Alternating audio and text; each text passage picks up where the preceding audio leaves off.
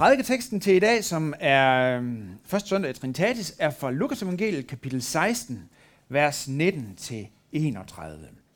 Det er lignelsen om den rige mand og Lazarus. Og den lyder. Der var en rig mand, som klædte sig i purpur og fint linned, og hver dag levede i fest og pragt. Men en fattig mand ved navn Lazarus lå ved hans port, fuld af sår og ønskede kun at spise sig mæt i det, der faldt fra den rige spor. Og hundene kom, hundene kom til med og slikkede hans sår. Så døde den fattige, og han blev af englene bort hen i Abrahams skød. Også den rige døde og blev begravet.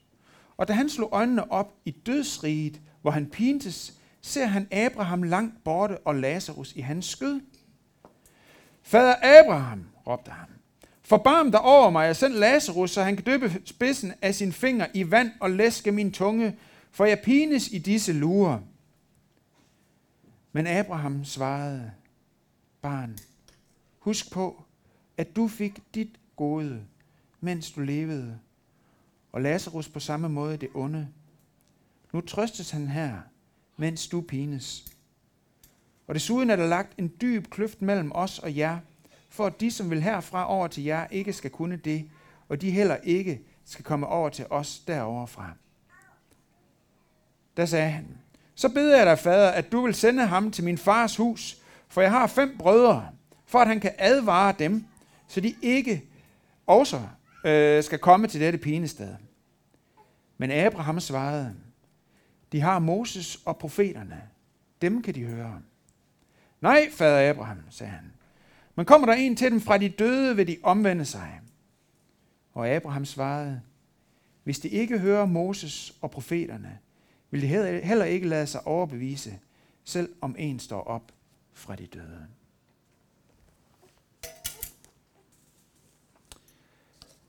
Jeg tror, at en af de ting ved klassisk bibelsk kristendom, som er allermest forarvende, både for folk i almindelighed, men også for os som er kristne, er det med helvede. Hvordan i alverden hænger det sammen med troen på en kærlig Gud, og så samtidig den opfattelse, at den Gud også sender mennesker i helvede. Hvordan kan det overhovedet komme til at give mening?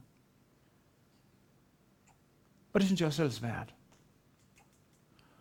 Og jeg har det egentlig sådan, at det her tema er et af de temaer, som jeg hellere vil være for uden. Har lyst til at skifte hen over og finde et andet øh, tema at prædike over. Men dagens prædiketekst er den her, og den handler om helvede. Noget af det, der har overrasket mig ved at arbejde med det her spørgsmål, er den betydning, som læren om helvede har, for at vi dels kan forstå vores eget hjerte, men faktisk også for, at vi kan forstå kærligheden i Guds hjerte. Så det er noget, det vi vil prøve at kigge på. Men lad os lige starte med at bede, inden vi går i gang.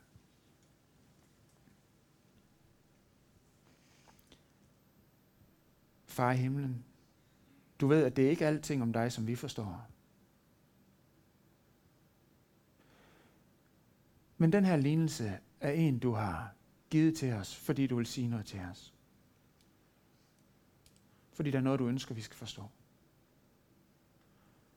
Og Helligånd, jeg beder om, at du nu vil tale til os og gøre Guds ord levende ind i vores liv.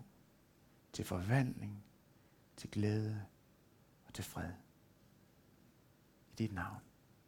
Amen.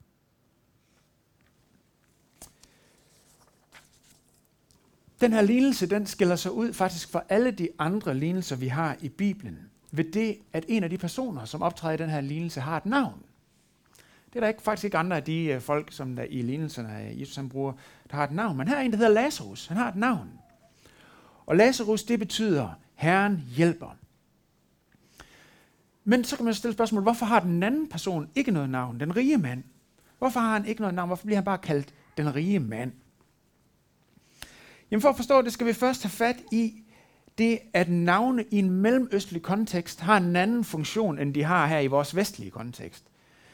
I Mellemøsten, der er navne nemlig ikke bare en betegnelse, men der er det noget, der siger noget om den persons identitet.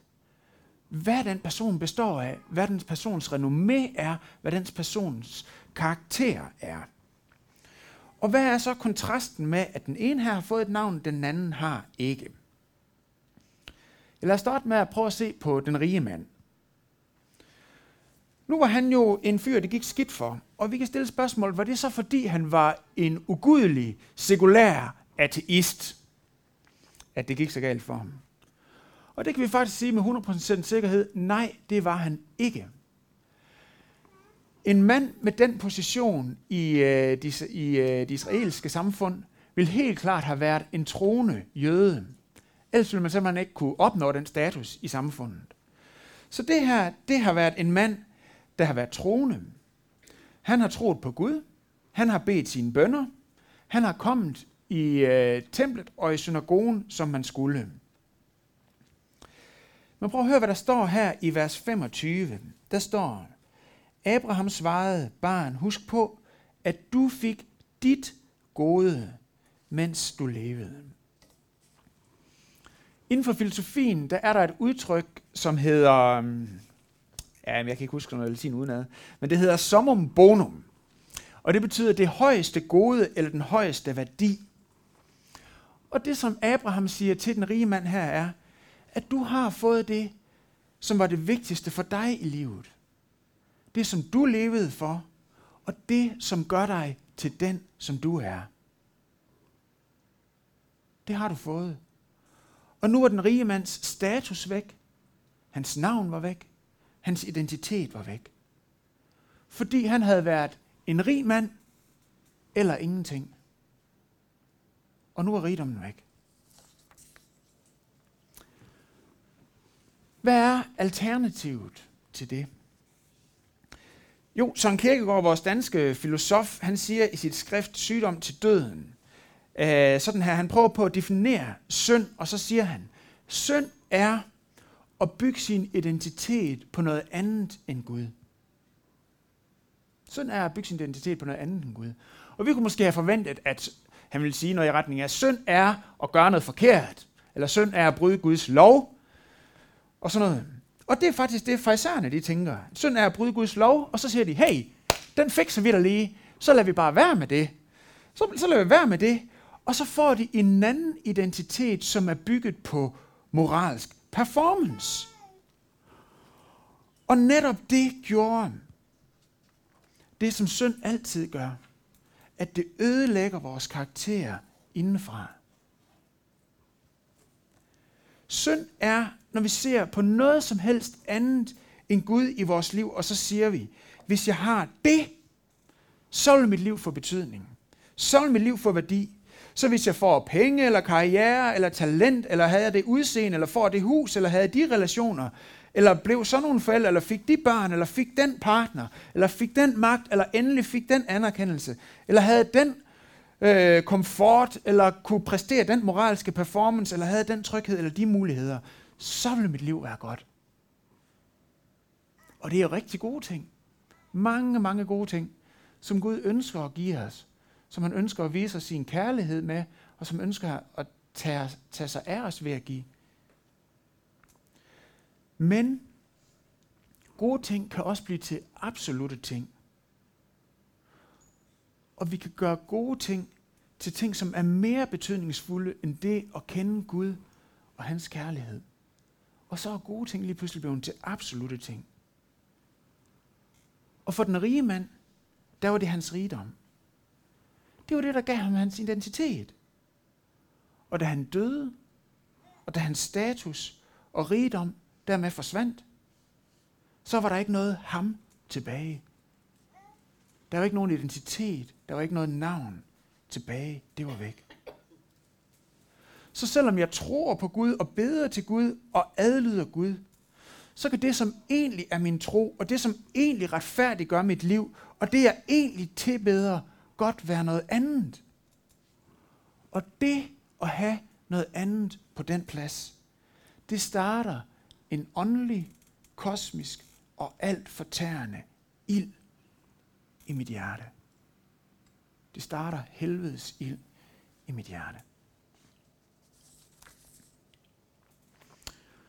Hvordan skal det forstås? Jo, lad mig prøve at illustrere det med afhængighed. Øhm, det ved jeg faktisk en del om, fordi jeg har en lillebror, der er alkoholiker.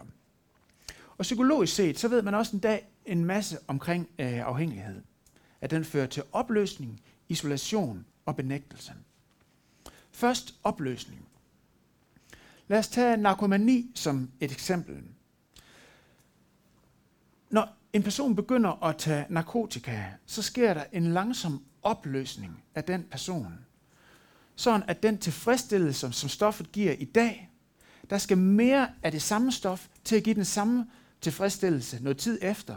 Og efter lidt længere tid, så skal der endnu mere af det samme stof til, bare at få den samme tilfredsstillelse. Fordi der sker en langsom indre opløsning. Og det samme gælder for alkohol, det samme gælder for porno. Kroppen og psyken går simpelthen i opløsning, så der skal mere og mere til af det afhængighedsgivende stof. Afhængighed fører til opløsning. Det fører også til isolation. Fordi at det efterhånden bliver sådan, at det eneste, der betyder noget i mit liv, er at få det her stof. Så man bliver nødt til at lyve, for at man kan få det. Man bliver nødt til at forsvare det forkerte, man gør, for at få det her stof. Og man bliver nødt til at skyde skylden over på andre mennesker, omstændigheder og ting og sager. Og det gør, at afhængigheden til sidst gør, at man bliver isoleret.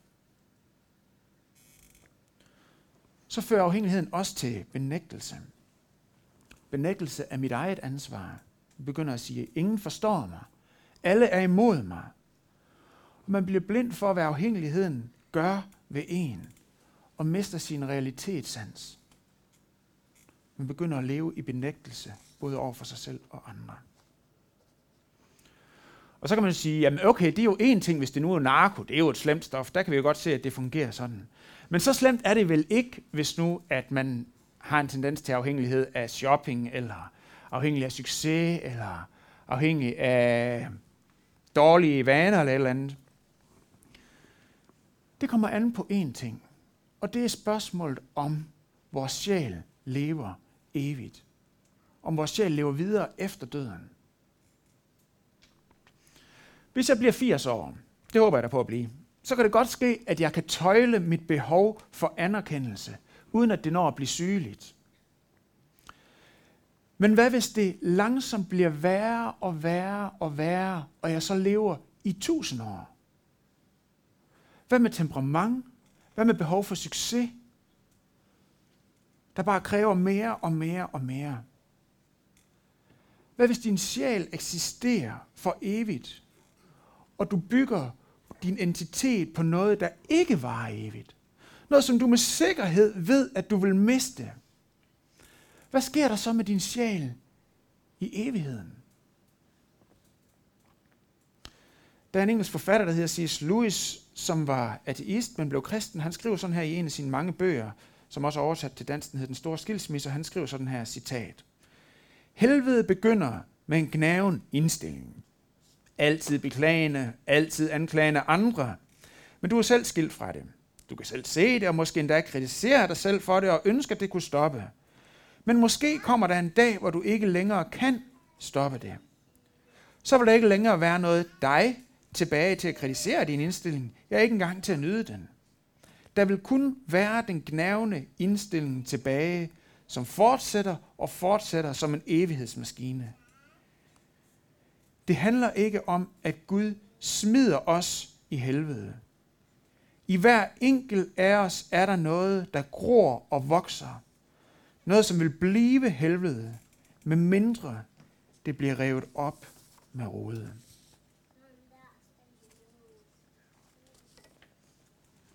Lad os vende tilbage til den rige mand i lignelsen.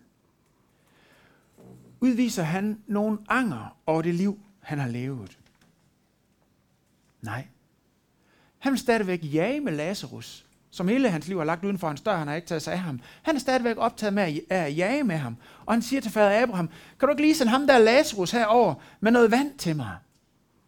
Han er stadigvæk optaget af sig selv. Han beder ikke om at komme ud af helvede over til Lazarus og Abraham, men han vil have Lazarus ind i helvede til ham, for hans egen skyld. Og han skyder endda skylden fra sig og siger til Gud, Gud, hvis nu jeg havde fået de samme øh, informationer, som øh, jeg altså lige synes, du skal sørge for, at mine fem brødre, som stadigvæk er i live for, så var jeg ikke hent her. Altså Gud, hvis du havde sørget for at give mig tilstrækkelige informationer, så var jeg ikke hent her. Det er nemlig ikke min skyld. Med andre ord, så er han selvoptaget, han er blind for egne fejl, han er selvmedlidende, og han benægter. Han er i helvede. Så hvis vi skal prøve at opsummere, så vi lærer vi ud fra den her tekst, at helvede er en frivillig valgt identitet, som bygger på noget andet end Gud, og som får lov til at fortsætte for evigt. Med opløsning, benægtelse og isolation. Helvede er altså ikke, som mange forestiller sig, det at grædende stakler imod deres vilje og bønfaldende til Gud beder om, uh, kan jeg godt blive fri for at blive smidt øh, ind i det her hul med brændende ild og ting og sager. Mens Gud han står og siger, nej, kan du ikke. Så kan du lære det, og du kan ikke komme ud, for det er for sent. Helvede er frivilligt. Og det er det hele det forbandede ved både afhængighed og helvede. Du kan måske godt se, at det ikke er ideelt, men du kan heller ikke forestille dig et liv uden. Og siger måske, jeg har ikke noget problem. Det er bare fordi, at ingen forstår mig. Det er ikke så slemt endda, som andre siger, det er. Jeg kan godt håndtere det. Døren til helvede er lukket, men den er lukket indefra.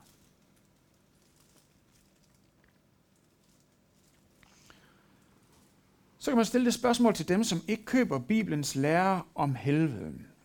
Hvad ønsker du, at Gud skulle gøre for mennesker, der ender i helvede? Skal han slette deres fortid synder og give dem en ny start?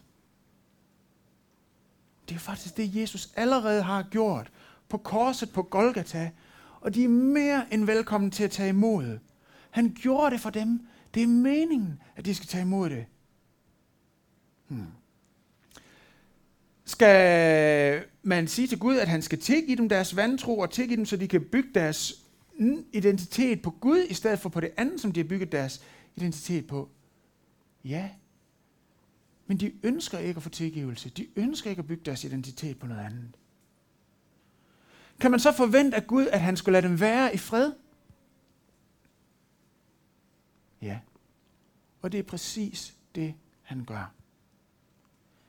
C.S. Lewis siger, der er grundlæggende to slags mennesker. Der er dem, der siger til Gud, din vilje ske Gud. Og så er der dem, Gud siger til, din egen vilje ske.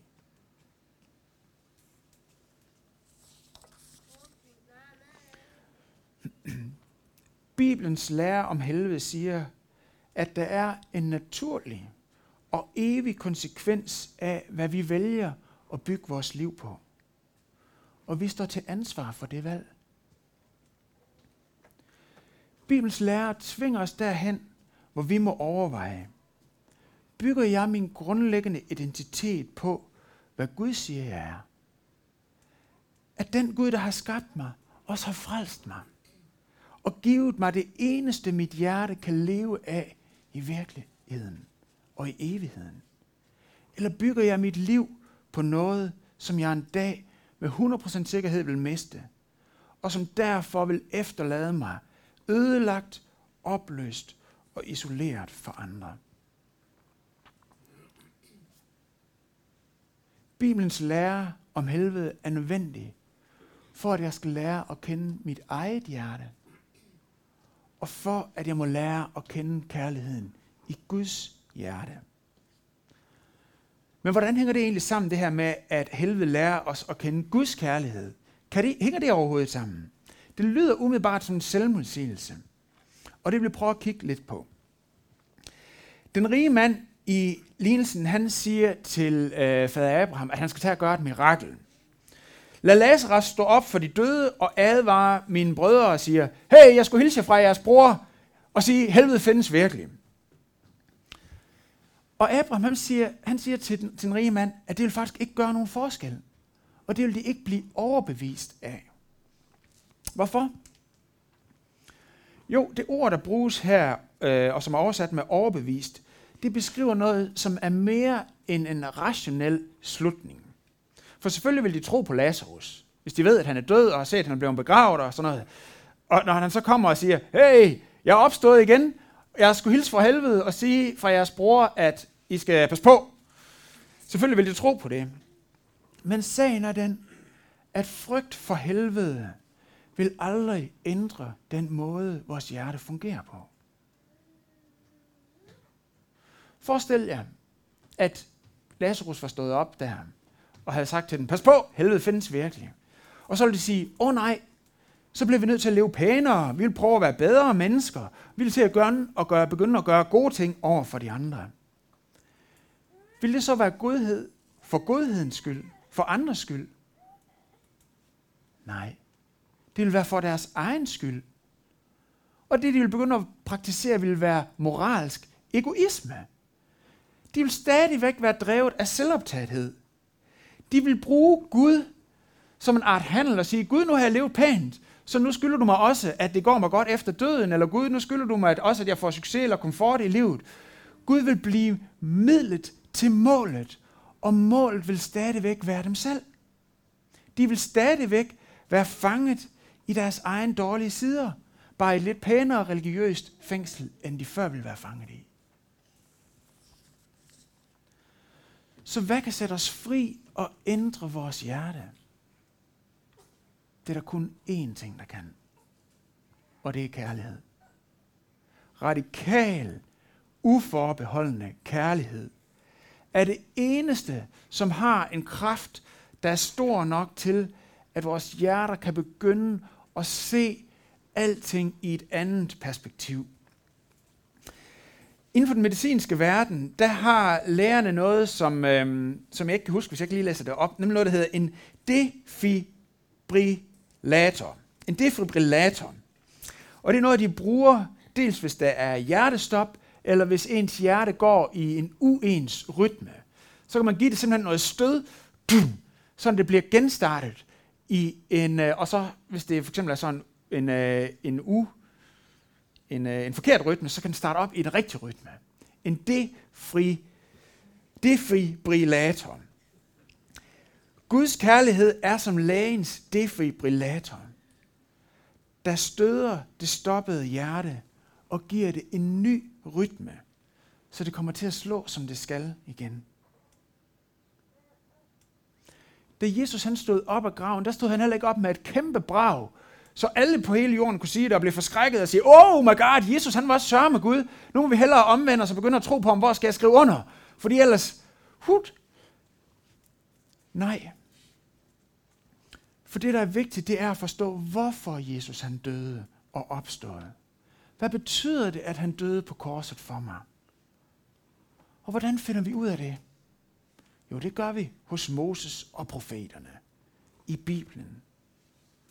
Og der står blandt andet sådan her hos Esajas i det gamle testamente. Men det var vores sygdomme, han tog. Og det var vores ledelser, han bar. Vi regnede ham for en, der var ramt, slået og plaget af Gud. Men han blev gennemboret for vores overtrædelser og knust for vores synder. Han blev straffet, for at vi kunne få fred. Ved hans sår blev vi helbredt. Der er en øh, engelsk prædikant, der hedder Martin Lloyd Jones, som øh, har sådan en lille historie, hvor han siger, prøv at forestille dig, at du møder din ven, og din ven siger, hey, jeg var faktisk lige hen for at besøge dig den anden dag, men øh, du var ikke hjemme. Men til gengæld så kom der en anden person øh, forbi med en øh, regning, og den betalte jeg for dig. Hvordan vil, man i den, hvordan vil den passende reaktion være i den situation over for ens ven, der fortæller det? Hvad vil den passende reaktion være? Ja, man vil sige tak. Men hvilken måde man vil sige tak på, hvilken måde der vil være passende at sige tak på, vil man først vide, når man kender den regnings størrelse. For var det postnettet, der kom med en strafporto på 30 kroner, og din ven lige sagde, om den betaler jeg lige. Så vil man sige, ej, tak skal du have. Ved du hvad, jeg skylder en omgang, den får du en gang. Og så var det det. Men hvis det derimod var din kassofirma, der kom for at sætte dig og din familie fra hus og hjem på grund af en million gæld, som I aldrig, aldrig, aldrig nogensinde ville have mulighed for at betale, og din ven så havde sagt, Nå, den betaler jeg. Så vil man ikke bare sige, Nå, tak skal du have. Så vil man i gråd og lettelse gå på knæ og sige, tusind, tusind, tusind, tusind tak. Mig og min familie vil aldrig nogensinde glemme det, du har gjort for os. Fordi nu kan vi starte på en frisk.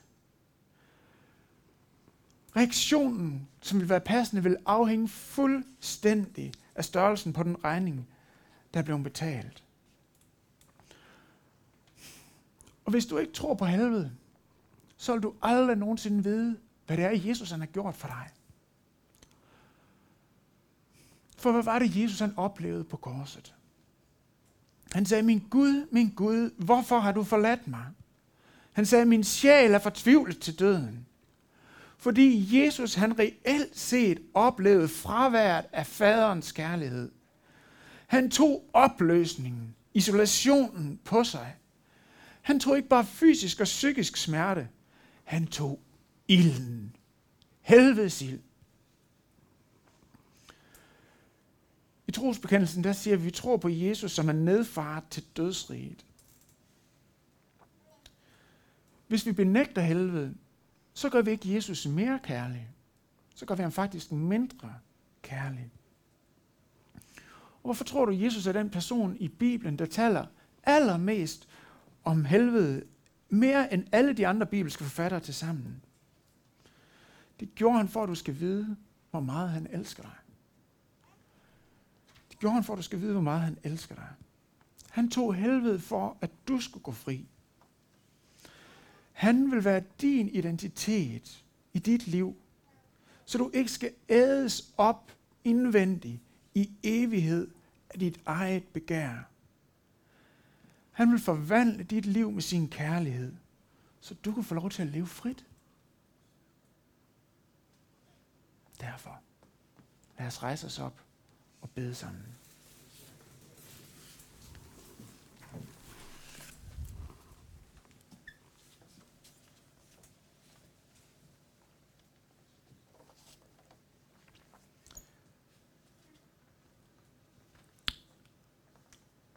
Jesus, vi har brug for dig.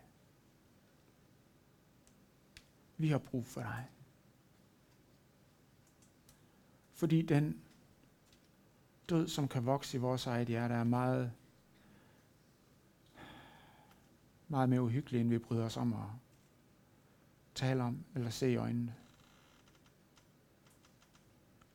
Jesus, vi har brug for dig.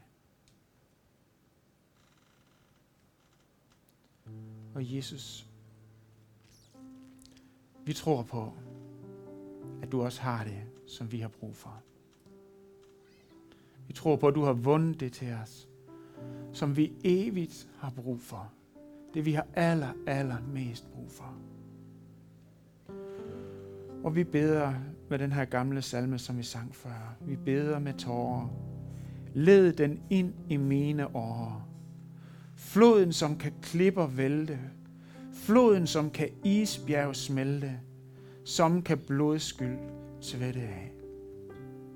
Og vi beder, du som har dig selv mig givet, lad i dig mig elske livet. Så for dig kun hjertet banker, så kun du i mine tanker er den dybe sammenhæng. Jesus, du er vores held. Og vi beder, at vi hver dag må lade dig være vores identitet. Så det må være dig, der vokser i vores hjerte. Og ikke alt muligt, som er mere mørkt, end vi overhovedet kan håndtere. Jesus, vi har brug for dig. Amen.